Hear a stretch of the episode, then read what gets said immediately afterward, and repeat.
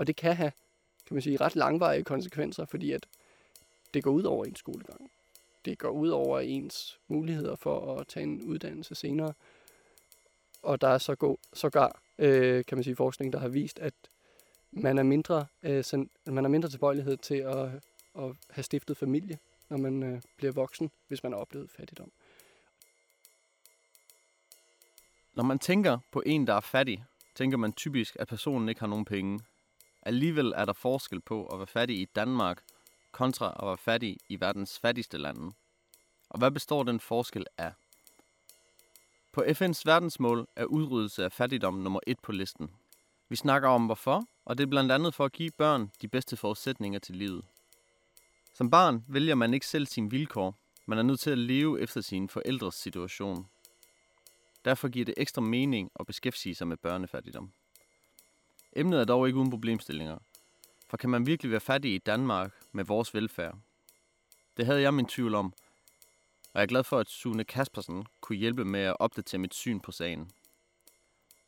Hvis du lærte noget nyt, så følg økonomi i øjenhøjde, så bliver det ikke sidste gang. Velkommen, Sune Kaspersen. Du kommer fra Arbejderbevægelsens Erhvervsråd og har lavet en analyse om øh, børnefattigdom, som vi skal snakke lidt om i dag. Og så snakker vi også lidt om øh, fattigdom generelt her i Danmark. Og så endelig tager vi det ud til sådan lidt mere globalt perspektiv. Øh, men velkommen til. Vil du ikke øh, sige lidt om de konklusioner, der kom ud af den analyse, du lavede? Jamen tak for den fine introduktion. Jamen det, det vi har set på, det er den seneste udvikling i, i omfanget af børnefattigdom i Danmark. Og det vi kan se er, at i det sidste år, vi nu kan måle på, som er 2021, der er der igen sket et fald i antallet af børn i familier under fattigdomsgrænsen. Så der nu er 53.800 børn i familier under fattigdomsgrænsen. Og det er, kan man sige, det er et fald, som øh, lægger sig øh, i, kan man sige, i ryggen på, på, på flere fald. Altså siden 2017 har der været faldende børnefattigdom i Danmark. Til gengæld ligger vi stadig i et niveau, der er højere end i 2016. Så det er ikke et, kan man sige, et problem, som er ved at blive udryddet øh, lige øh, sådan, som, som det ser ud nu. Okay, men er det sådan nogle øh, positive tal, man ser? Altså når man ser sådan en analyse, får man så fornemmelsen af, at det går den rigtige vej? Ja, altså det er jo, det er jo, den, det er jo den positive øh, retning, at, at antallet falder. Men det vi kan se er, at, at niveauet er stadig meget højt, særligt øh, sammenlignet med øh, ja, for blot øh, få år tilbage, altså tilbage i 2015 og 2016, der var det et andet niveau, vi lå på. Hvor var man på der? Jamen i 2015 var det omkring 43.000. Okay, så der er alligevel kommet 10.000 ekstra til i løbet af årene. Ja. Ganske få år. Ja, det er selvfølgelig ikke nødvendigvis de samme børn, der, der er fattige i dag, som, som var det dengang. Men, men gruppen er simpelthen blevet større. Og det vi også kan se, det er, at der er sådan en ret stor geografisk øh, forskel på, øh, hvor der ligesom er børnefattigdom i Danmark. Der er nogle, nogle egne af landet, hvor der er markant højere risiko for at være i børnefattigdom, og så er der andre steder, hvor det ikke er så, øh, så ofte, man ser børnefattigdom. Okay. Er det også noget, der kendetegner sig på specifikke områder i Danmark? Altså nu tænker jeg, er det meget koncentreret på Fyn? Er det meget koncentreret på Sjælland? Eller hvad ser man? Ja, det er sådan særligt, øh, altså børnefattigdom er, er særligt koncentreret i, øh, på Syd- og, og Vestjylland i, og i Sydjylland. Øhm, det, altså, der er jo nok mange, der kender til, øh, at øh, Lolland Kommune har haft mange øh, overførselsmodtagere, øh, og, og det er selvfølgelig, når, når de så er forsørgere, så, så børnene i den her gruppe, de vil, de vil så også ofte, ofte være i, i fattigdom. Så det er, jo, det er jo sådan nogle eksempler, man i hvert fald kan hive frem. Okay. Ser man øh, med børnefattigdom, fordi nu tænker jeg, at vi for eksempel måske har fået øh, øh, flygtninge fra Ukraine og deres børn. Er det mm. noget, man også tæller med? Altså, det, øh, den flygtningestrøm fra, fra Ukraine, der kom i 2022, det er selvfølgelig ikke noget, vi kan måle øh, effekten øh, af på, på børnefattigdom endnu, fordi at det skete i 2022, og, og det har vi simpelthen ikke øh, tal for endnu. Men vi kan måle på andre ting, altså for eksempel, hvordan har det påvirket antallet af børn i familier på kontanthjælp? og der skete der udenbart en, en stigning, øh, da, da de her familier kom, kom til landet. Men derefter er, er antallet af, af, kan man sige, af, af børn øh, i familier på kontanthjælp faldet igen. Så, så vi ligger i på et meget lavt øh, historisk niveau øh, i forhold til antallet af børn af kontanthjælpsmodtagere. Omkring 40.000 børn. Okay, og det skal vi nok også snakke mere om. Men lad os lige blive ved det her med, at man kan se de forskellige områder. Øhm, hvad tror du, der gør sig gældende, at det bliver koncentreret på sådanne områder? Jamen, altså over, over en lang årrække har vi i hvert fald set øh, tendenser til, at offentligt forsørgede de flytter fra byområderne, hvor det typisk er, er dyrt at bo, til øh, landområder, hvor det kan være billigere at bo. Og det er jo det er så de her egne, hvor at øh, børnefattigdommen er højere koncentreret. Så, så en højere andel simpelthen er offentligt forsørget i de her områder, øh, som delvist er drevet af, af flyttemønstre. Så kan man selvfølgelig også sige, at øh, arbejdsmarkederne i de her områder er nødvendigvis heller ikke øh, i en så brusende udvikling, øh, som hvis man kommer tættere på byerne.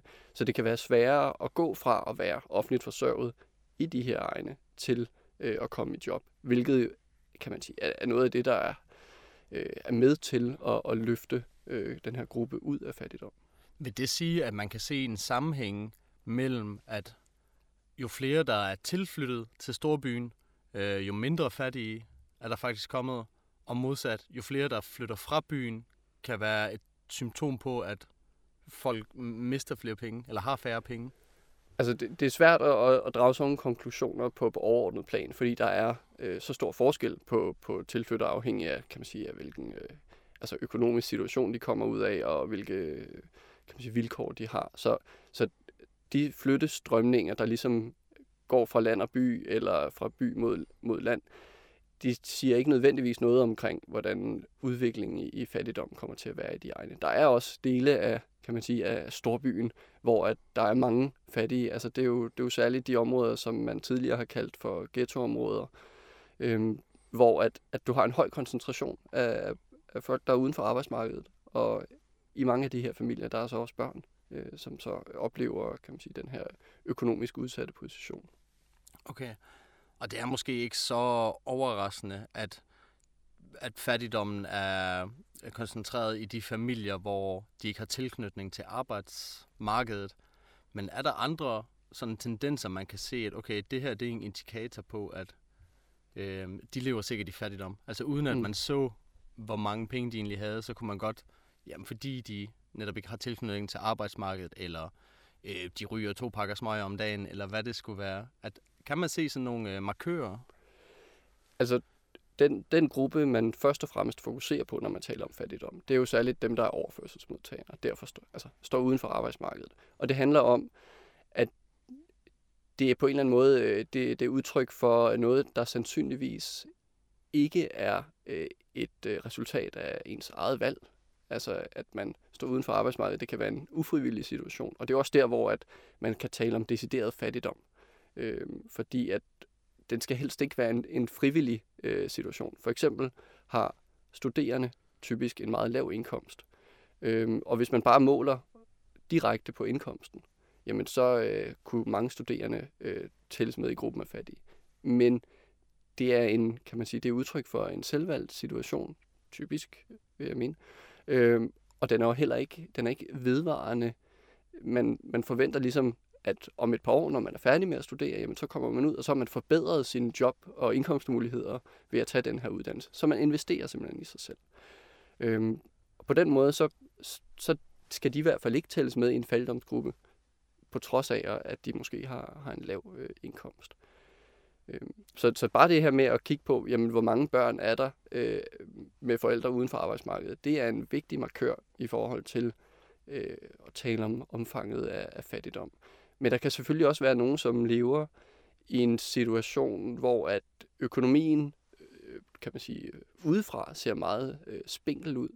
Men det er et udtryk for, at de selv har valgt at indrette sig på den her måde. For eksempel øh, ved at øh, kan man sige, være selvforsynende, øh, eller at man øh, bare, altså, bare har, har simpelthen har valgt at sige, jamen vi vil leve for mindre, øh, og så klarer vi os på den måde det er ikke nødvendigvis udtryk for fattigdom at man er i den situation, og, og børnene behøver ikke at lide nogen, nogen afsavn. Øh, andet end at de måske ikke har lige så meget at gøre godt med som øh, deres kammerater over i skolen. Men det er vigtigt i hvert fald at adskille de to former. Altså det her med, når, når forældrene de har, øh, kan man sige, nogle ressourcer, de har, øh, kan man sige, selv valgt den situation, de står i, kontra den her meget øh, ufrivillige situation, som det kan være at stå uden for arbejdsmarkedet, uden kan man sige, at have mulighed for at træde ind. Okay, det giver god mening. Det synes jeg også øh, fungerer som et, øh, et godt springbræt til at så snakke om, jamen hvad er børnefattigdom i Danmark? Fordi man må jo have sat en grænse for, øh, hvornår er man fattig og hvornår er man ikke. Hvad lyder den på? Altså officielt har vi ikke nogen fattigdomsgrænse i Danmark, men vi har haft en.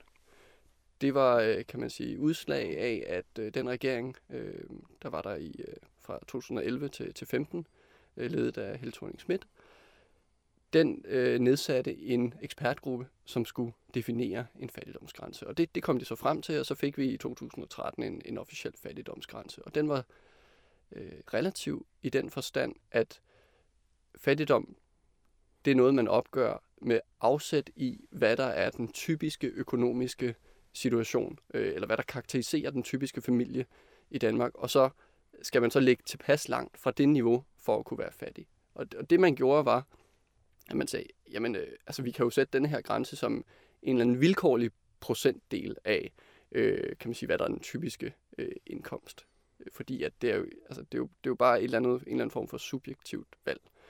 Men man skilede selvfølgelig til, hvad andre har gjort. Altså øh, i EU-regi, der måler man øh, risiko for at være i fattigdom, hvis man har mindre end 60 procent af den typiske indkomst.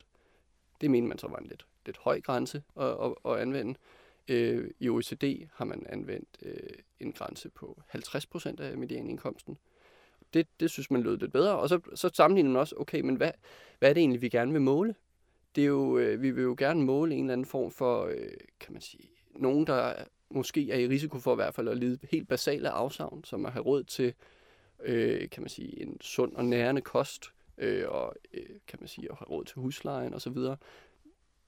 Det er en ting. Det kan man ligesom, og det kan man opstille øh, et, kan man sige, et eller andet minimumsbudget, der kan tilfredsstille. Det, det tangerer sådan ret, ret fint med den her 50% grænse, altså 50% af den typiske indkomst.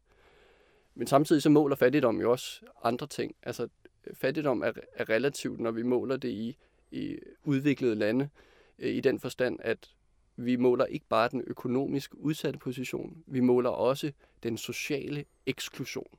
Altså, okay. er man i risiko for simpelthen at, at komme uden for fællesskabet, fordi man ikke øh, tilnærmelsesvis har, har midlerne, der skal til for at være en del af det. Men hvordan øh, skal det forstås? Fordi mm. det kan jo godt lyde øh, til dels som, okay, jamen, så har man ikke øh, adgangskort til at komme med i den lokale bridge club, fordi det koster for meget om måneden, øh, eller at Øhm, for at låne lidt af Inger Støjberg, sådan de der fine salonger, at det lyder som om, det er det, man måske bliver ekskluderet fra. Men sådan er det vel ikke helt. Hvad er det så, man kigger på?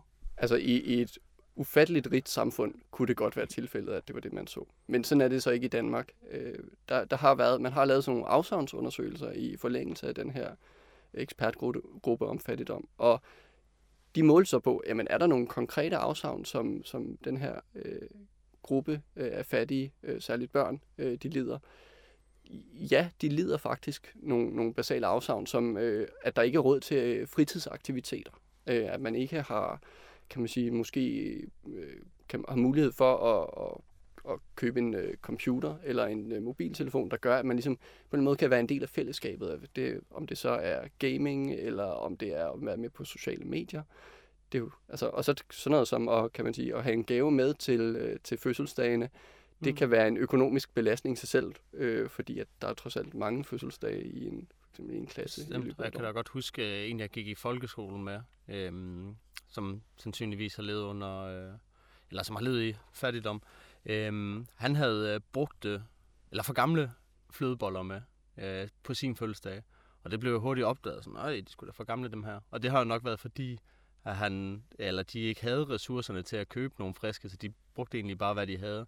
Øh, så jeg kan godt følge den tangent, at øh, man kan blive udsat for noget af det der sociale spil der, øh, specielt blandt børn, fordi der har man måske det mindre overblik over, hvordan er man god mod andre mennesker. Der er man jo meget mere bare øh, intuitiv og måske også lidt mere øh, selvcentreret, hvilket er meget naturligt.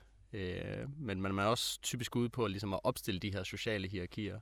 Mm. Og så kan netop det der med, ja, har du den nyeste telefon? Øh, har du friske flødeboller eller gamle flødeboller med? Øh, der er mange ting, der ligesom kan vise det, øh, eller sætte det på spil. Men hvilken forskel gør det så, um, at, at man sætter de her grænser? Altså okay, men så har vi fået at vide, at der er 53.000 øh, fa- øh, børne, øh, ja, fattige børn i Danmark. Er det noget, man så kan rykke på? Altså, hvilken forskel gør det, at man har opdelt folk i de her bokse, så at sige? Jamen, altså, først og fremmest, så er det jo netop noget, man kan rykke på øh, ved at give dem en økonomisk håndsrækning. Det er ikke nødvendigvis løsningen på de problemer, som den her gruppe har, fordi at det, der er ofte et eller andet, kan man sige, der, der er nogle sociale øh, eller sundhedsmæssige øh, udfordringer, som, som også skal takles, hvis den her gruppe faktisk skal, skal få det bedre. Sådan er det for en, for en stor del af, af gruppen af, kan man sige, af fattige. Så i hvert fald af dem, som, som oplever øh, fattigdom i, i mange år i træk. Øhm, men, men bare det at give dem en økonomisk håndtrækning, kan godt i sig selv hjælpe dem. Altså der er forskning, øh, også i Danmark, der, der viser, at det her med, det, øh, kan man sige, indkomst har en betydning for, hvordan for eksempel børn de, de trives i skolen, øh, og det har betydning for, jamen, hvordan de så klarer sig senere hen, om de får en ungdomsuddannelse, om de får en uddannelse efter det, øh, om de klarer sig godt på arbejdsmarkedet, og deres, kan man sige, øh, ja, deres egen indkomst som, som voksne. Så altså det, det, er da, det er da vigtigt at, at sige, at det ikke bare har en betydning for, hvordan de har det i dag. Men det har det selvfølgelig. Altså hvis du giver dem en økonomisk håndtrækning, så, så må man da forvente, at, at de leder øh, øh, lidt færre afsavn, og, og måske også øh, man får reduceret kan man sige, den økonomiske stress, der kan være omkring hverdagen.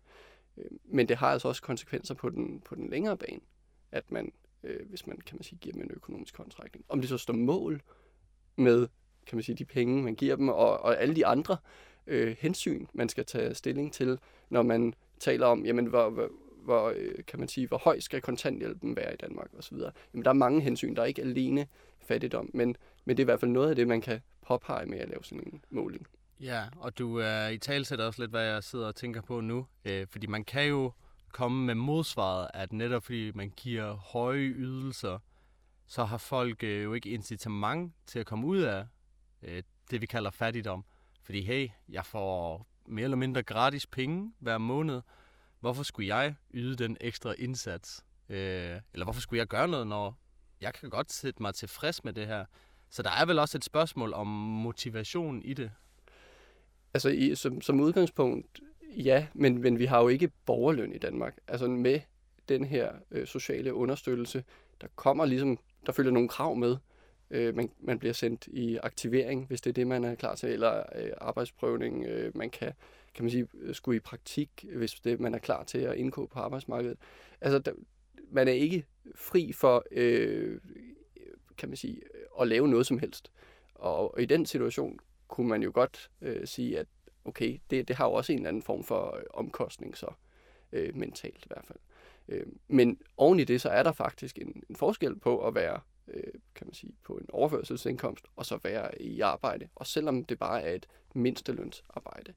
Der er altså for en, for en enlig forsørger med børn, så, så er det flere tusind kroner om måneden, man, man vil, kan man sige, opleve i fremgang ved at gå fra kontanthjælp til, til et mindstelønsjob. Så, så på den måde øh, er det selvfølgelig vigtigt at tage hensyn til, at, at der kan være de her afvejninger, men, men der er, øh, der er plads til øh, og, og kan man sige, at gøre det lidt, øh, lidt bedre, øh, kan man sige, at, at være svagestillet øh, i Danmark, uden at gå voldsomt på kompromis med, øh, kan man sige, den her øh, den økonomiske øh, gulderod ved at tage et arbejde. Okay. Hvor sætter man grænsen i forhold til at sige, at øh, nu er man fattig? Eller hvad gjorde de der under Helle Thorning? Hvor satte de den grænse? Jamen, de satte den til 50 procent af den typiske indkomst. Okay, så ikke noget fast beløb. Det var bare under medianindkomsten? Ja, men, men også øh, med den øh, erkendelse, at, altså, at fattigdom i et udviklet samfund, hvor man øh, har, i princippet har udryddet den absolute ekstreme fattigdom, hvor folk ikke har råd til at overleve.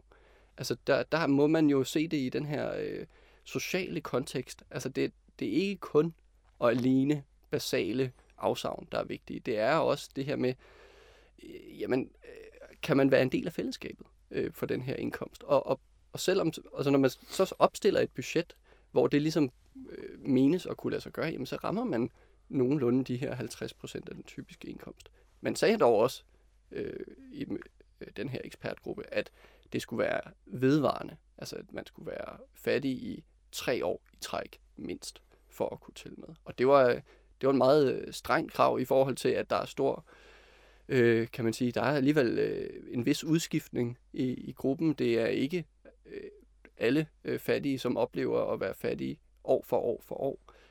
For nogen er det noget, man oplever i et enkelt år, i to år.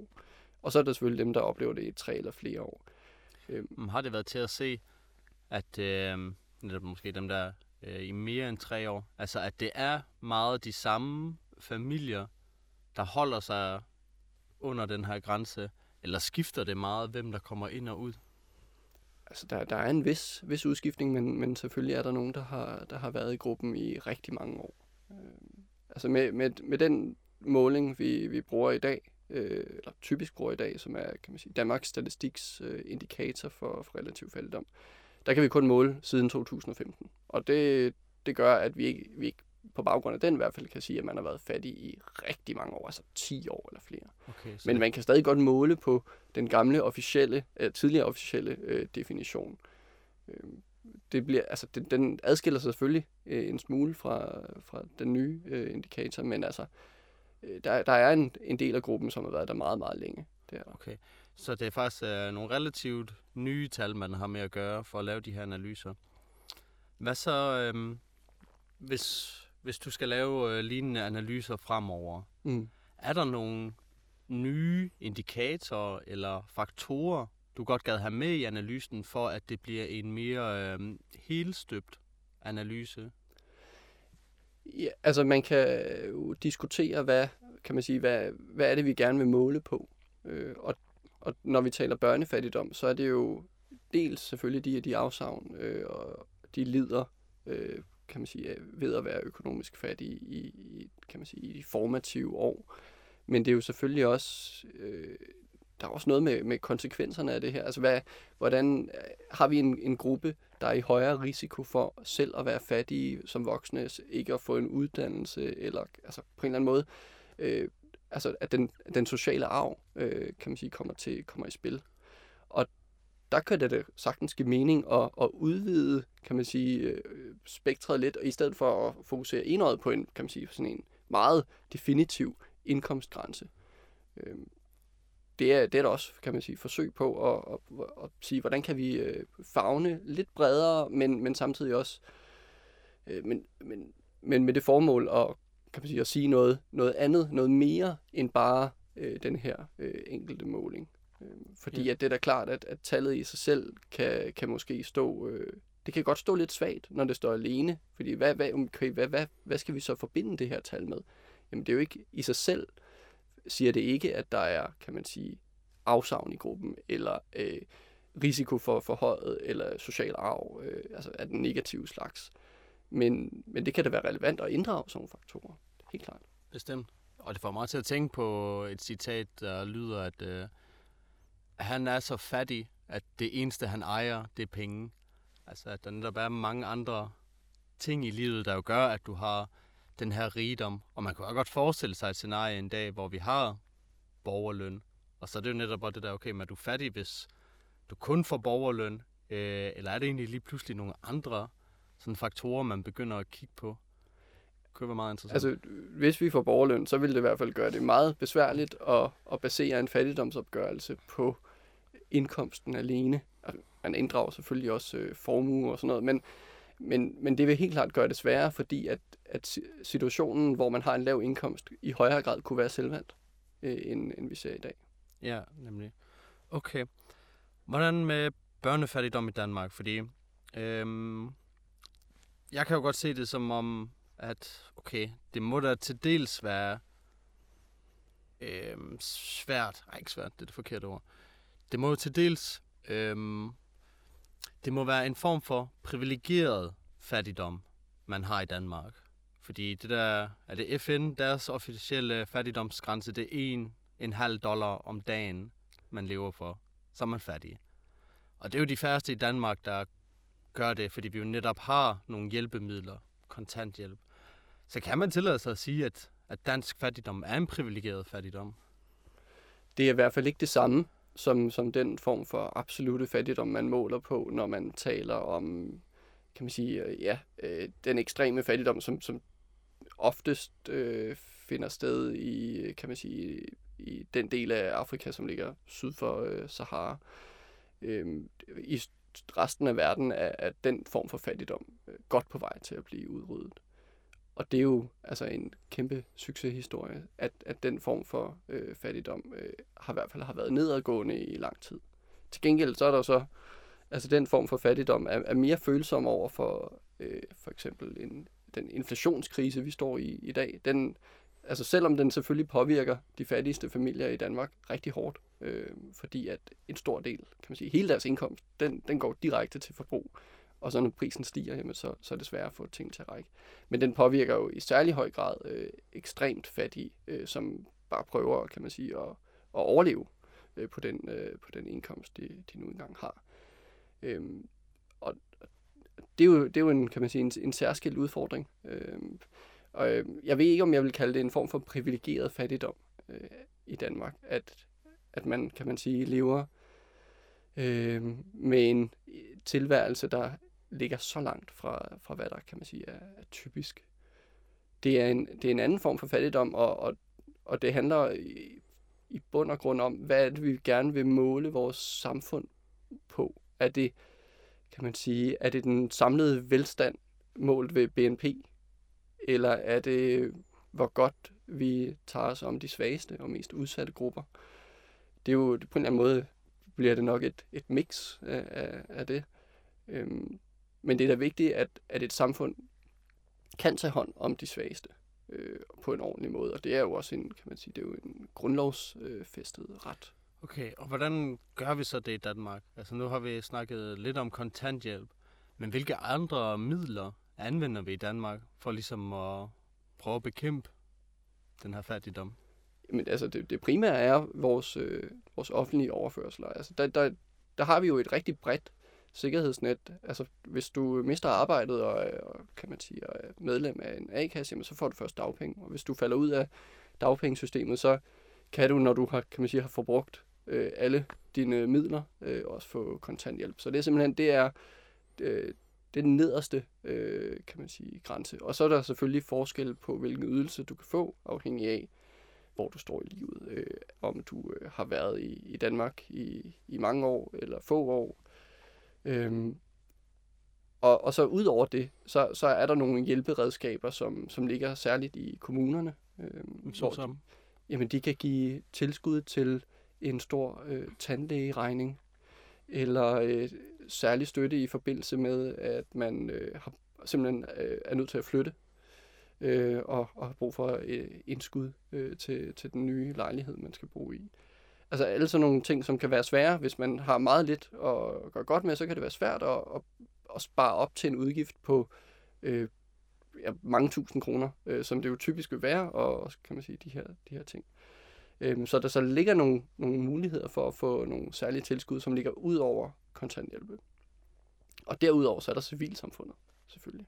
Altså vi, vi kender jo alle julehjælpen, som man kan øh, søge, og der er også, øh, kan man sige, tilsvarende feriehjælp, øhm, for, kan man sige, som, som giver nogle muligheder for, at, at børn i, i familier, der er kan man sige, økonomisk udsatte, at de kan få nogle øh, ferieoplevelser, som, som de måske var gået glip af ellers. Altså det er jo for, for den her gruppe er det jo ikke, øh, om man skal på udlandsrejse eller, eller ej, øh, men om man overhovedet, øh, kan man sige, om der overhovedet sker noget i sådan en sommerferie.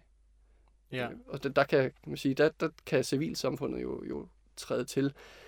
Øh, om det er en, altså, om det så er ønskværdigt, at det er civilsamfundet, der skal træde til, eller, eller ej. Altså, det, er jo, det er jo så et, et, en åben diskussion. Mange af de midler, øh, som går til civilsamfundsorganisationer, øh, organisationer, de kommer jo selvfølgelig via finansloven også. Så det er ikke, altså, det er jo bare, øh, kan man sige, hvordan man fordeler midlerne. Ja, bestemt. Øhm, og det skal vi springe til lige straks.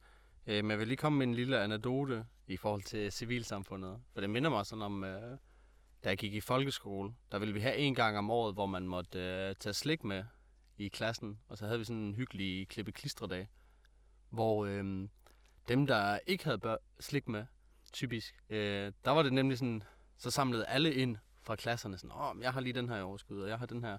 Og så endte de egentlig også med at få øh, lige så meget, som de andre havde. Og det var egentlig et meget sådan smukt billede, på en eller anden måde, at sådan, det gjorde børnene nærmest bare af sig selv sådan, åh, så samler vi bare. Øh, og der var ingen, der led afsavn, fordi øh, der var jo nogen, de havde jo fandme to poser chips og um, bødt Haribo med. Øh, så der var jo nogen, der havde rigeligt. Mm. Øh, og det kan man jo godt øh, zoome op til et lidt større perspektiv, at mm, som du også er lidt inde på, altså vi har jo midlerne, øh, og det vil man vel også godt øh, kunne se i Danmark. Men nu kommer jeg lidt til at tænke på det her, fordi for jeg, jeg skulle lige til at spørge, om man kunne udrydde fattigdom i Danmark. Men det kan man jo ikke med den definition, vi har på det nu, at hvis du er under medianindkomsten, fordi der vil jo altid være nogen, der er under de 50 procent af, hvad ja, den gennemsnitlige indkomst er. Teoretisk set kan man godt, hvis man bare sørger for, at, at Øh, dem i bunden, de, de får tilstrækkeligt med midler. Øh, men, men selvfølgelig øh, realistisk set, så, så nej, så kan man kun reducere den relative fattigdom kraftigt. Det, det er jo et udtryk for, hvor, altså, hvor, hvor komprimeret, hvor, hvor ens ser vores øh, indkomster ud og vores forbrugsmuligheder. Så i et meget lige samfund, som øh, Danmark øh, som udgangspunkt er, øh, der er det, altså, det er muligt, men Øh, inden, altså inden for det mulige kunst, så vil man øh, nok ikke sigte efter 0, men, men et lavt tal. Lavt tal. Men der må vel også være et argument for det her med, at med motivationen igen. Altså, at hvis man gjorde for meget for at skabe øh, nærmest ekstrem lighed, at så vil der også være nogen, der mistede motivationen til at gøre den der ekstra indsats. Så man har vel også et vis incitament til at beholde noget ulighed der er helt klart en afvejning mellem kan man sige, øh, incitamenter og, og omfordeling. Øh, det er sådan den, den helt klassiske øh, diskussion, øh, som fylder jo meget politisk. Øhm, men jeg tror også, det er vigtigt at have for øje her, at der er forskel på, hvad man, øh, om man ser på forældrene i en fattig familie, eller på børnene. Fordi for forældrene, der kan man godt mene, øh, et eller andet om, at de burde tage sig et arbejde osv., hvis de ikke har øh, kan man sige, nogle, nogle udfordringer, sociale eller øh, mentale eller øh, sundhedsmæssige. Øh, men for børnene vil det jo altid være ufrivilligt. De har jo ikke valgt, hvilken familie de er født ind i, og de har meget svært, hvis ikke umuligt, ved at ændre på den situation, de er i. Så ud fra altså ud fra det perspektiv, så, så må man ligesom, man, så bør man gå langt for, for børnenes skyld. Så du mener, at vi har sådan en større moralsk pligt til at øh, træde til, når det har med børn at gøre? Helt klart. Og så kan man jo tale fattigdom, men der er jo også nogle andre emner, man kunne sige det samme indenom. Ja, altså det, er jo, det handler jo grundlæggende om, om man vil kan man sige, sikre alle børn lige muligheder. Og det, det vil vi jo gerne øh, formelt set, det har vi jo gjort gennem vores øh, gratis uddannelsessystem og uddannelsesstøtte og, og så videre. Men, men reelt er det måske så som så, om, om mulighederne er lige. Og, og det er jo så der, hvor man kan sige, jamen, hvad skal der til, for at, at vi så reelt opnår lige muligheder for alle børn? Jamen, det er jo, øh, det er jo så netop øh, måske noget, noget økonomisk, der skal til, men også selvfølgelig en masse andre udfordringer, der skal løses, fordi de her familier mange af dem, de bakser med, med andre udfordringer også, som selvfølgelig også skal tages hånd om. Okay. Det kan vi... Øh, det vil jeg gerne lige høre dine øh, tanker om, hvad man kunne gøre. Men inden så har jeg lige øh, et øh, konkret eksempel, øh, lige kom til at tænke på. øh, netop det, hvis man gerne vil give børn en god start, kunne man forestille sig, at en dag så lavede man et tiltag, hvor Øh, lidt ligesom børneopsparing, men i stedet for, at det kommer fra forældrene af, så kom det egentlig fra staten af. Fordi den vil jo netop gerne prøve at tage hånd om børnene og sikre, at de har nogle midler øh, senere i livet. Er det øh, noget, der kunne fungere? Jeg tror ikke, at det løser nogle af de problemer, man ser med, med børnefattigdom. Altså de konsekvenser, der det kan have på ens øh, trivsel, øh, som man øh, kan, man sige, kan måle igennem skoletiden, og hvordan man så klarer sig i uddannelsessystemet. Der er jo, altså, økonomisk fattigdom øh, i teenageårene, det kan lede til øget kriminalitet, og så er det ligesom, hvis du er altså, slået ind på den løbebane, så ved jeg ikke, om en pose penge som 18-årig eller 20-årig gør den store forskel. Men hvad så med som 13-årig? Altså, fordi netop inden du kommer ind på den der løbebane der, så får du lige nogle penge. Du er ikke desperat efter at skulle finde penge. Det kan jo så diskuteres, om, om et 13-årigt barn er i stand til at disponere øh, over så mange midler. Øh, man har jo også, øh, i hvert fald nu den, kan man sige, den aftale er godt nok faldet bort, men den aftale, man, man havde om at øh, lave nogle justeringer af kontanthjælpssystemet, som landede i juni øh, sidste år, den indebar også sådan et fritidstillæg, hvor man simpelthen siger, at vi allokerer nogle penge til et øh, tillæg, som forældrene modtager, men de skal så dokumentere, at de har brugt de penge på øh, fritidsrelaterede aktiviteter for, for deres børn. Øh, det er jo en måde, øh, man kan man sige, kan gå ind og designe, hvordan, hvad, hvad, skal, altså, hvad skal man bruge de her øh, penge, man modtager? Fordi det gør man jo i princippet ikke. Du modtager jo bare en pose penge, og, og så hvordan de præcis bliver disponeret over, det har du jo ingen kontrol over, øh, som øh, ja, resten af samfundet. Nej, og det giver, det giver god mening. Men vil det så også give mening, at øh, man måske netop bytter penge lidt ud med øh, ligesom mere med bonger, eller hvad man... Kuponger, ja. Kuponger, ja, ja tak. Øh, med kuponer, at netop, okay, du kan ikke bare købe, hvad du vil. Øhm, du skal ikke bare købe cigaretter. Det skal gå til din børns fodboldklub, eller svømmetræning, eller hvad det skal være. Men at netop sådan noget som kuponer, kan det spille en større rolle i fremtiden? altså det er jo, det er jo altid en, en diskussion, hvor, hvor indgribende øh, det skal være at, og kan man sige, at være på, øh, på en eller anden offentlig øh, forsørgelse. Altså hvor, hvor meget skal, skal samfundet gå ind og diktere, hvad man må og ikke må. Øh, ideelt set, så skal den enkelte jo have frihed til at indrette sig, som man nu øh, mener er, er, er det rette, fordi at man, man indretter sig jo øh, meget forskelligt. Altså, det, men, men jeg er da enig i, at, at der kan ligge noget positivt for børnene ved, at nogle midler bliver prioriteret til aktiviteter, som vi ved kan man sige, har en eller anden form for gavnlig effekt på for eksempel deres, øh, øh, altså så de føler sig mindre socialt ekskluderet, øh, lavere risiko for at være ensomme osv. Okay. Men jeg tænker på det er, øh, øh, jeg kan godt følge tanken om det her med, øh, selvfølgelig er det ønskværdigt med så meget frihed som muligt, men kontra, så er det jo også typisk, øh, hvis man er på kontanthjælp eller lignende, altså, så er det jo på bekostning af andre menneskers øh, ja, ydelser. Så på en måde, lidt ligesom når man er på en arbejdsplads, kan man vel godt forvente at sige, okay, jamen, der er nogle krav til, at du må få de her penge. Øh, så det ikke bare er gratis, eller så det netop går til, hvad det skal. Mm. Jamen, man kan sagtens stille nogle krav man skal ikke stille krav til det hele, og der er også, øh, der er også en afvejning mellem øh, det administrative bøvl, som det medfører, og den byrde, øh, det måske kan, kan være for den enkelte familie at skulle øh, håndtere alle de her kuponordninger, og jeg ved ikke hvad, og så skal der kvitteringer til det ene og det andet, og fik jeg nu det med, og så glemte man det lige. Det kan jo være, at man øh, har, kan man sige, nogle, nogle udfordringer, der gør, at bare det der med at få hverdagen til at hænge sammen, kan være svært. Og så bliver man så, det ved jeg ikke, øh, trukket i kontanthjælpen, eller jeg ved ikke hvad, fordi man så ikke øh, fik brugt pengene øh, korrekt. Altså det er jo, det er i hvert fald, det er en, det er en afvejning, og, og det, er, det er risikabelt i hvert fald at, at, at, at lægge det ned over øh, det samlede budget, men jeg, jeg synes, at det er da helt klart ønskværdigt, at man prioriterer nogle af midlerne og øh, altså siger, at det her, det ved vi, er rigtig godt for børnene. Så vi er simpelthen nødt til at sikre, at det sker. Øh, og det er, jo, det er jo noget af det, man, man forsøger, med, eller forsøgt i hvert fald med, med den her design af fritidstillægget. Okay, men det gik så ikke helt igennem. Efter, efter valget er der, kan man sige, lidt usikkerhed omkring, hvordan, øh, hvordan ydelsessystemet kommer til at se ud i fremtiden. Okay, ja.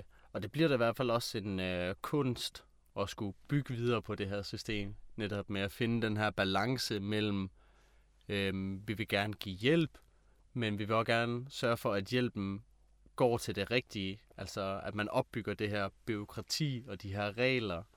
Øh, fordi det kunne jo selvfølgelig være fedt, hvis alle bare kunne være frie og gøre, hvad de nu engang ville, men mennesket har jo en tendens til måske ikke altid at tænke så rationelt. Selvom det vil økonomer vel gerne øh, tænke, at man gør med det øh, rational man. Okay. Spændende.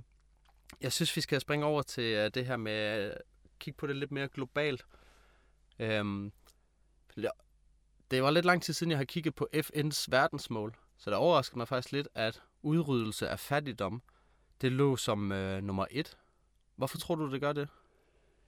I, I den sammenhæng tror jeg, at fattigdom først og fremmest skal forstås som den absolute ekstreme fattigdom, hvor øh, mennesker simpelthen ikke har råd til at, at overleve øh, på den indkomst, de har. Men, men, og det er jo et, kan man sige, et vigtigt mål at stræbe efter. Man skal også se FN's verdensmål som en eller anden, altså hvad er det for et ideal, vi skal stræbe efter som samfund? Meget af det ser ud til at være inspireret af, hvordan vi har indrettet os i øh, de nordiske øh, velfærdssamfund. Øhm, og men, men selvfølgelig, altså det her med at afskaffe fattigdom, det, det kan godt lyde øh, voldsomt øh, svært og stort, men, men man er jo også nødt til at sætte sig nogle, kan man sige, nogle store mål, hvis man bare vil, man sige, bare vil lidt af vejen.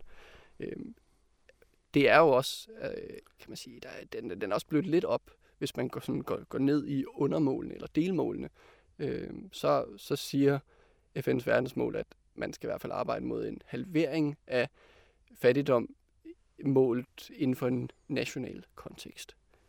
Og det er jo sådan noget som den relative fattigdom, at man siger, at det er det, man skal sigte efter i hvert fald at få ja, halveret. Der er vi jo nået i Danmark så vel.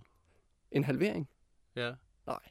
Okay. Nå, jeg tænker fra dengang, de har lavet... Øhm, eller det er måske ikke med den relative, men mere det her, hvis, hvis FN, de kiggede på Danmark, mm. så er der vel ikke nogen, der vil sige, jamen der er fattige der. Fordi de kører jo efter en anden parametre. Øh, jo, fordi det netop altså, er udspecificeret, at det er den nationale måde at, at, at anskue fattigdom, der er, der er relevant her.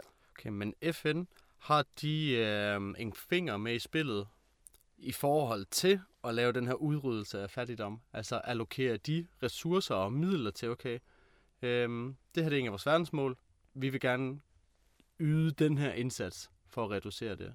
Gør de det, eller opstiller de bare mål? Jamen, FN har jo en lang række humanitære øh, projekter, i, i særligt altså der, hvor at den her ekstreme fattigdom er, er meget udbredt, altså i øh, Afrika syd for Sahara, hvor at, altså det, jeg tror, det er øh, to tredjedel af verdens øh, absolut fattige øh, lever. Så, så de gør rigtig meget for, for netop at forsøge at, at afskaffe den her øh, ekstreme fattigdom. Men, og det vi kan se er jo, at altså, rundt omkring i verden, så er absolut fattigdom, altså det her med ikke at have, have råd til at leve, det jo, har jo været faldende, kraftigt faldende igennem de sidste par årtier. Og det er jo en kæmpe succeshistorie, at øh, blandt andet i, i, i de asiatiske lande har man virkelig løftet mange ud af, af absolut fattigdom. Men der, der er desværre stadig den her udfordring i, ja, i en del øh, sydafrikanske lande. Okay, kan man se, hvad der har været med til at rykke den udvikling? hvis, hvis vi ser på et, på et land som, som Kina, så er det jo bare et land, som har været igennem en ufattelig vækst. Og det har jo skabt, øh, kan man sige, det har jo rykket mange fra øh, det, vil vi, vi vil kalde de primære erhverv, altså øh, det er jo blandt andet sådan noget som landbrug, til at beskæftige sig inden for alt muligt, som mere ligner den måde, som arbejdsmarkedet og erhvervene fungerer i Danmark. Altså en masse produktion, en masse vidensarbejde. Altså, der er virkelig sket øh, enormt meget på det, på det område. Og det er jo en fantastisk positiv historie. Okay. Tror du, det er muligt at komme øh, et, i mål med det? Altså at udrydde den her fattigdom i verden? Måske ikke lige for hver enkelt menneske, men... Altså sådan overordnet set, så at, at de positive tendenser, vi har set over de seneste årtier, øh, at man har kunne, kan man sige, opnå de mål, i hvert fald øh, særligt i, i asiatiske lande, det, er, øh, det giver mig da håb til, at det kan lade sig gøre andre steder også. Fordi at det, var, det, var, det ville være noget helt andet, hvis man ikke så en reduktion øh, i absolut fattigdom, mens at, øh, kan man sige, øh, den, altså menneskebefolkningen vokser og vokser, ikke? så man kunne godt øh, tænke, Nå, men så bliver der jo så også bare flere øh, fattige. Men det gør der ikke. Og det er jo, det giver mig da håb for, at det faktisk godt kan lade sig gøre, og øh, nå i hvert fald rigtig langt af vejen. Måske en fuldstændig afskaffelse er måske ikke øh, muligt, men, men altså at komme langt, det tror jeg, det godt kan lade sig gøre. Okay. Ikke helt umuligt, men der er selvfølgelig mange faktorer, der er på spil. Mm-hmm. Men er det så mere op til de øh, enkelte lande at sørge for, at øh, fattigdommen den bliver formindsket? Eller er det sådan et globalt samarbejde, der er nøglen til det?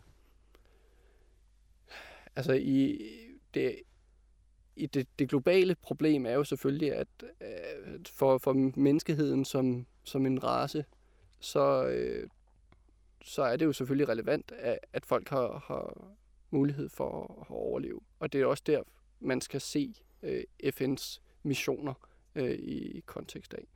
Øh, men selvfølgelig øh, skal FN ikke prioritere en masse midler til at udrydde den fattigdom, der er i Danmark, fordi det har vi i princippet midlerne til selv. Vi har ressourcerne. Øh, så det er de steder, hvor man ikke har ressourcerne, der, der, der bør verdenssamfundet jo, øh, kan man sige, træde til, for i hvert fald at, at, at, ja, øh, ikke nødvendigvis direkte øh, reducere fattigdom, men, men at, kan man sige, at lave, øh, skabe grobund og skabe de institutioner, der skal til øh, indret øh, samfundene, øh, kan man sige, på en mere hensigtsmæssig måde, sådan så at man, kan man sige, har mulighed for at, at ja, vise vejen. Ja. Og i forbindelse med det, altså, vil det ikke være mere hensigtsmæssigt, altså hvis Danmark, hvis det politiske system skulle tænke over fattigdom. Okay, vi vil gerne udrydde fattigdom. Men de kigger faktisk på global plan, fordi vi hænger jo sammen med flere ting. Øh, hungersnød på verdensplan, øh, klima. Øh, der er jo mange ting, der ligesom går på tværs af landegrænser. Vil det ikke give mere mening for Danmark at prøve at udrydde fattigdom i andre lande på den her baggrund, at øh, lad os tage kontanthjælp. Altså hvis man får udbetalt, lad os bare sige 15.000 Øhm, det forsørger så lige et hus i Danmark, men det er jo noget, der kunne forsørge, øhm, lad os sige, fem eller ti huse i de der ekstremt fattige lande. Øh, så sådan helt nytteetisk, så vil det jo give mere mening at faktisk øh, give pengene ud af landet, for ligesom at bekæmpe fattigdom. Ja, altså hvis det eneste mål var øh, at, at udrydde fattigdom, men, men der er jo bare så mange hensyn, man, man tager, når man, øh, kan man sige, laver øh, prioriteringer. Det er jo typisk politiske prioriteringer, der er tale om. Og der vil øh, nationalbefolkningen øh, normalt komme først. Og det er, det er jo øh, desværre, eller, eller altså i nogle sammenhæng er, øh, kan det jo, er det jo desværre sådan, det ser ud, og i andre sammenhæng øh, Øh, giver det jo mening, at man er nødt til at sørge for sine egne først, øh, før man kan sørge for andre. Øhm, det er, det, er, det er et svært spørgsmål, fordi at, at det handler jo så også om, øh, hvis man allokerer ressourcer i Danmark, så har man umådelig stor kontrol over og, og styring af, af de her midler, mens det kan være meget sværere at styre midlerne, hvordan de bliver brugt, øh, om de bliver anvendt på den måde, man havde tilsigtet, øh, om det er hensigtsmæssigt, når lige så snart man bevæger sig uden for landets grænser. Så i den sammenhæng kan det også være øh, noget med, at jamen, altså, i Danmark, så ved du i hvert fald, hvad du får for, øh, for, for hver krone, du bruger. Men hvis du sender den ud af landet, så er det mere usikkert. Jeg har lyst til at sige både og, fordi det var lidt i forlængelse af, hvad vi snakker om tidligere. Man ved jo ikke helt præcis, hvad pengene de kommer til at gå til. Øh, men størstedelen af dem bliver jo nok inden for landets grænser, hvilket jo også er en økonomisk øh, gevinst, kan man sige. At, at så bliver det jo trods alt i øh, samfundet, og Danmark beholder sin rigdom på den måde, mm. kontra at de kommer ud af det. Okay, jamen lad os, øh, lad os slutte af i Danmark så. Øhm, og den fattigdom, vi nu har her engang, øhm, hva, i de år, hvor det faldt, øh, 16-17, Steg. der steg den. Ja, steg den. simpelthen. Ja, Ja tak. Øhm, hvad, hvad var det, man kunne se, der skete der? Jamen, det der, kan man sige, skete, var, at man indførte nogle reformer af kontanthjælpsydelserne, som blandt andet øh, var sådan et kontanthjælpsloft og øh, en integrationsydelse, en 225-timers regel. Og altså, hvis man bare regnede på, på sagerne, jamen så kunne man, kunne man udlede meget hurtigt, at det vil naturligvis give øh, udslag i flere øh, børn under en relativ fattigdomsgrænse. Og det hænger jo sammen med, at du havde en gruppe, som øh, i mange henseender lå øh, omkring fattigdomsgrænsen, lidt over måske. Øh, og, og når du, kan man sige, reducerer deres midler, jamen så, så bliver flere, flere af dem fattige, øh, i hvert fald i sådan en formel forstand. Okay, og det er så fordi, man har valgt at prioritere anderledes. Fordi netop det må jo være et mål at prøve at afskaffe fattigdommen. Mm. Men alligevel så må man jo have vidst, at okay, hvis vi gør det her tiltag, så ender der altså flere folk i fattigdom. Ja, altså jeg, jeg er sikker på, at man har, øh, har kendt til, kan man sige, de, de i hvert fald økonomiske konsekvenser øh, for familierne. Men, men det er jo netop en politisk afvejning, altså det her med, hvor stor forskel skal der være på at være på en kontanthjælpsydelse og på at være i et, øh, et mindstelønsjob for eksempel. Det er jo, der er jo ikke en, en sandhed, som siger, at forskellen skal være 2.000 kroner eller 4.000 kroner. Eller, altså det er, jo, det er jo netop her, hvor det bliver øh, ja, subjektivt, og, og der har man jo så valgt, at forskellen i hvert fald øh, for de, de grupper, man, man så berører, den, den skulle være større, og så har der også været, altså for eksempel med 225 timers reglen, har man haft et eller andet sigte om, at øh, vi vil gerne prøve at få folk til at, øh, kan man sige, det kan godt være, at de ikke er, øh, lige har mulighed for at tage et fuldtidsjob fra den ene dag til den anden. Men hvis de nu tager nogle små jobs, og vi giver dem en, kan man sige, et økonomisk incitament til det, så øh, kan det være øh, en øh, tredje sten til at komme ind på arbejdsmarkedet. Kan du lige genopfriske, hvad 225-reglen var? Ja, øh, den, den eksisterer stadig, så Ja, den, er. er. den er øh, en regel, som indebærer, at når du har været på kontanthjælp i et år sammenlagt, så skal du mindst have haft 225 timers øh, beskæftigelse, ellers så bliver du simpelthen trukket i, i din ydelse. Beløbet afhænger øh, lidt forskelligt af, hvilken kan man sige, ydelse du er på, og om du er et ægtepar eller egentlig. Øh, men, men vi taler sådan en størrelsesorden øh, omkring 1000 kroner for, for mange familier. Okay. Så man opstiller nogle regler for det trods alt. Altså det, det, det har, man, har man gjort. Til gengæld så kom ydelseskommissionen, som øh, kan man sige var øh, forløberen for, for den her øh, aftale om et nyt kontant, kontanthjælpssystem, der landede øh, sidste år, men som ja, vi er mere usikkert nu. Øhm, de havde kigget nærmere på den her 225 timers regel, og de fandt ud af, at den er måske ikke så hensigtsmæssig i forhold til, at øh, for en kontantsmodtager, som tænker, okay, nu prøver jeg lige øh, at arbejde 5 timer. Jeg, jeg tager det her småjob, og så arbejder jeg 5 timer. Det får de meget ringe gevinst ud af, fordi de skal op på 225 timer i alt, for kan man sige, at få den store, fulde gevinst. Øhm, så, så en, at gøre den mere gradvis har været en del af tankerne bag et nyt ydelsessystem. Og så nu må vi se, om, om det ligesom øh, kommer til at blive, øh, kan man sige, øh, ja, ført ud i livet, eller, Ja. eller hvad, det, hvad det ender med. Okay. Hvis vi skal kigge sådan lidt ud i fremtiden, altså hvad kan man forestille sig, der vil være med til at gøre en forskel? Altså er det mere af det samme? Altså at øhm, kontanthjælpen den forøges? Eller er der nogle andre tiltag, man kunne forestille sig egentlig vil rykke på feltet? Altså det, der i hvert fald sker i år, det er, at det midlertidige børnetilskud, som man øh, indførte øh, i 2019, og som så skulle løbe frem til, man ligesom havde landet et nyt ydelsessystem, det er faldet bort nu. Så på den måde er vi tilbage til et ydelsessystem, som ligner det, man indførte der i 2016, og som kan man sige, fik, øh, som ledte til den her store stigning i, i fattigdom øh, blandt børn særligt. Øhm, men det, der sker, er jo også, at vi har en mindre regulering af kontanthjælpen og andre offentlige overførsler i forhold til lønudviklingen. De bliver ikke reguleret med, med samme niveau. Øh, når, når lønnen stiger, jamen så stiger kontanthjælpen typisk øh, altså med øh, omkring 1 procentpoint mindre. Man har så til gengæld ikke lige aftalt, hvad der skal ske næste år. Men det er jo så også et åbent spørgsmål om, om man fortsat vil mindre regulere de offentlige overførsler eller ej. Men, men det gør i hvert fald i sig selv, at der bliver større forskel på at være på en offentlig overførsel og på at være i arbejde.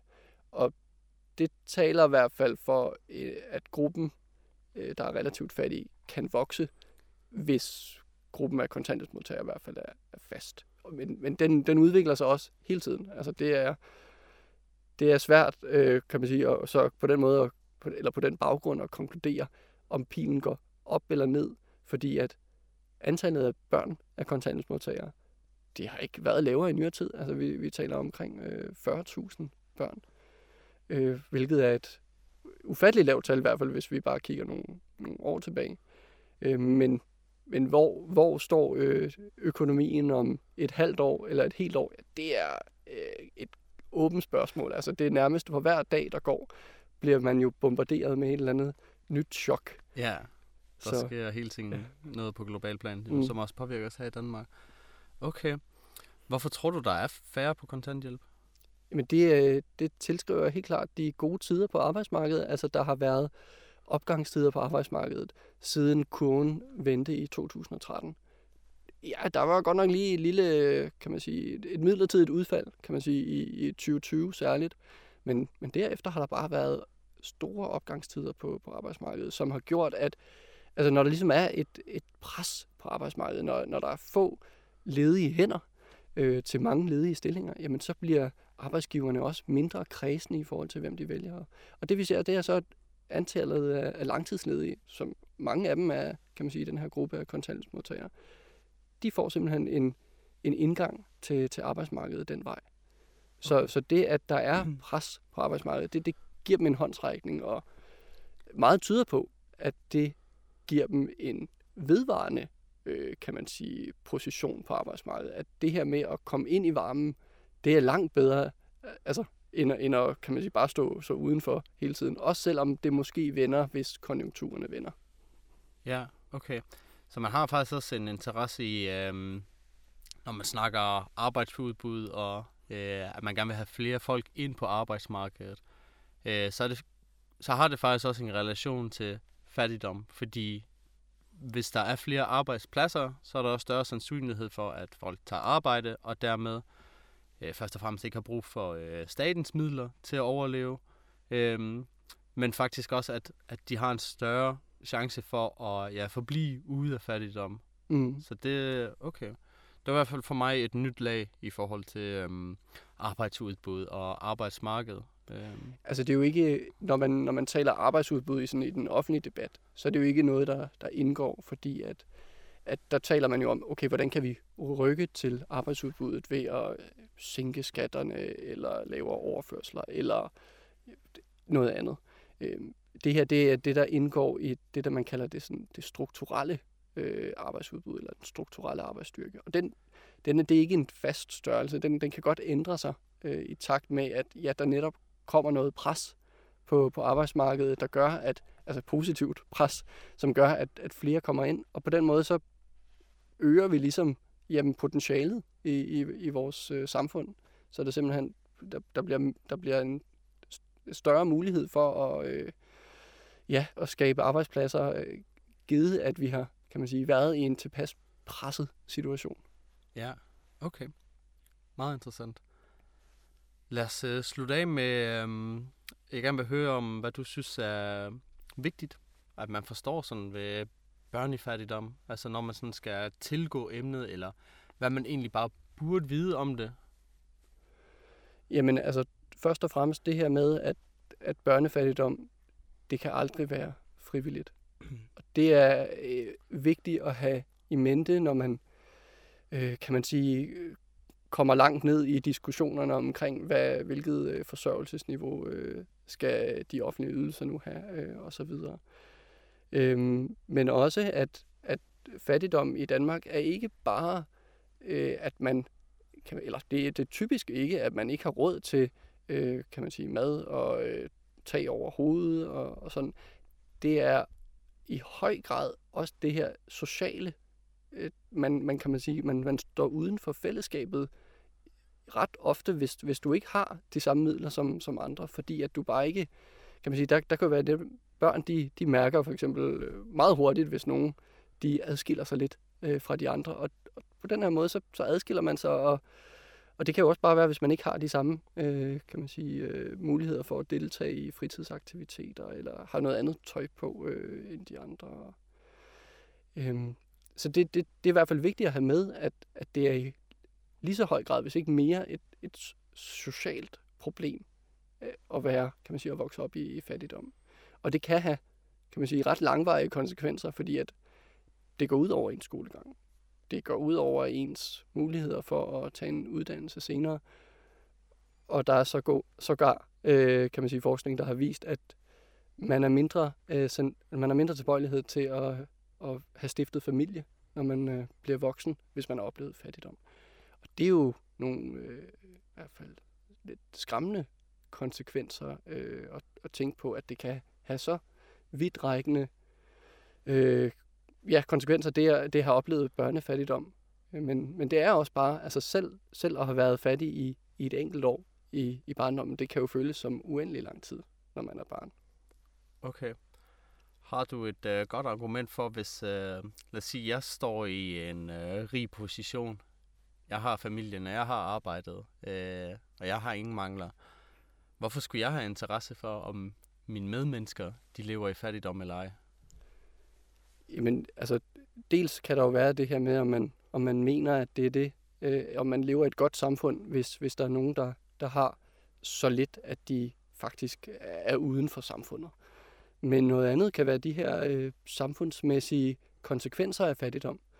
Altså øget kriminalitet, øh, lavere uddannelsesniveau og øh, højere øh, kan man sige, social arv blandt de dårligst øh, udsatte. Eller, ja. det, er jo, det er jo noget, som på en eller anden måde påvirker, hvor, øh, hvor rige kan vi blive som samfund.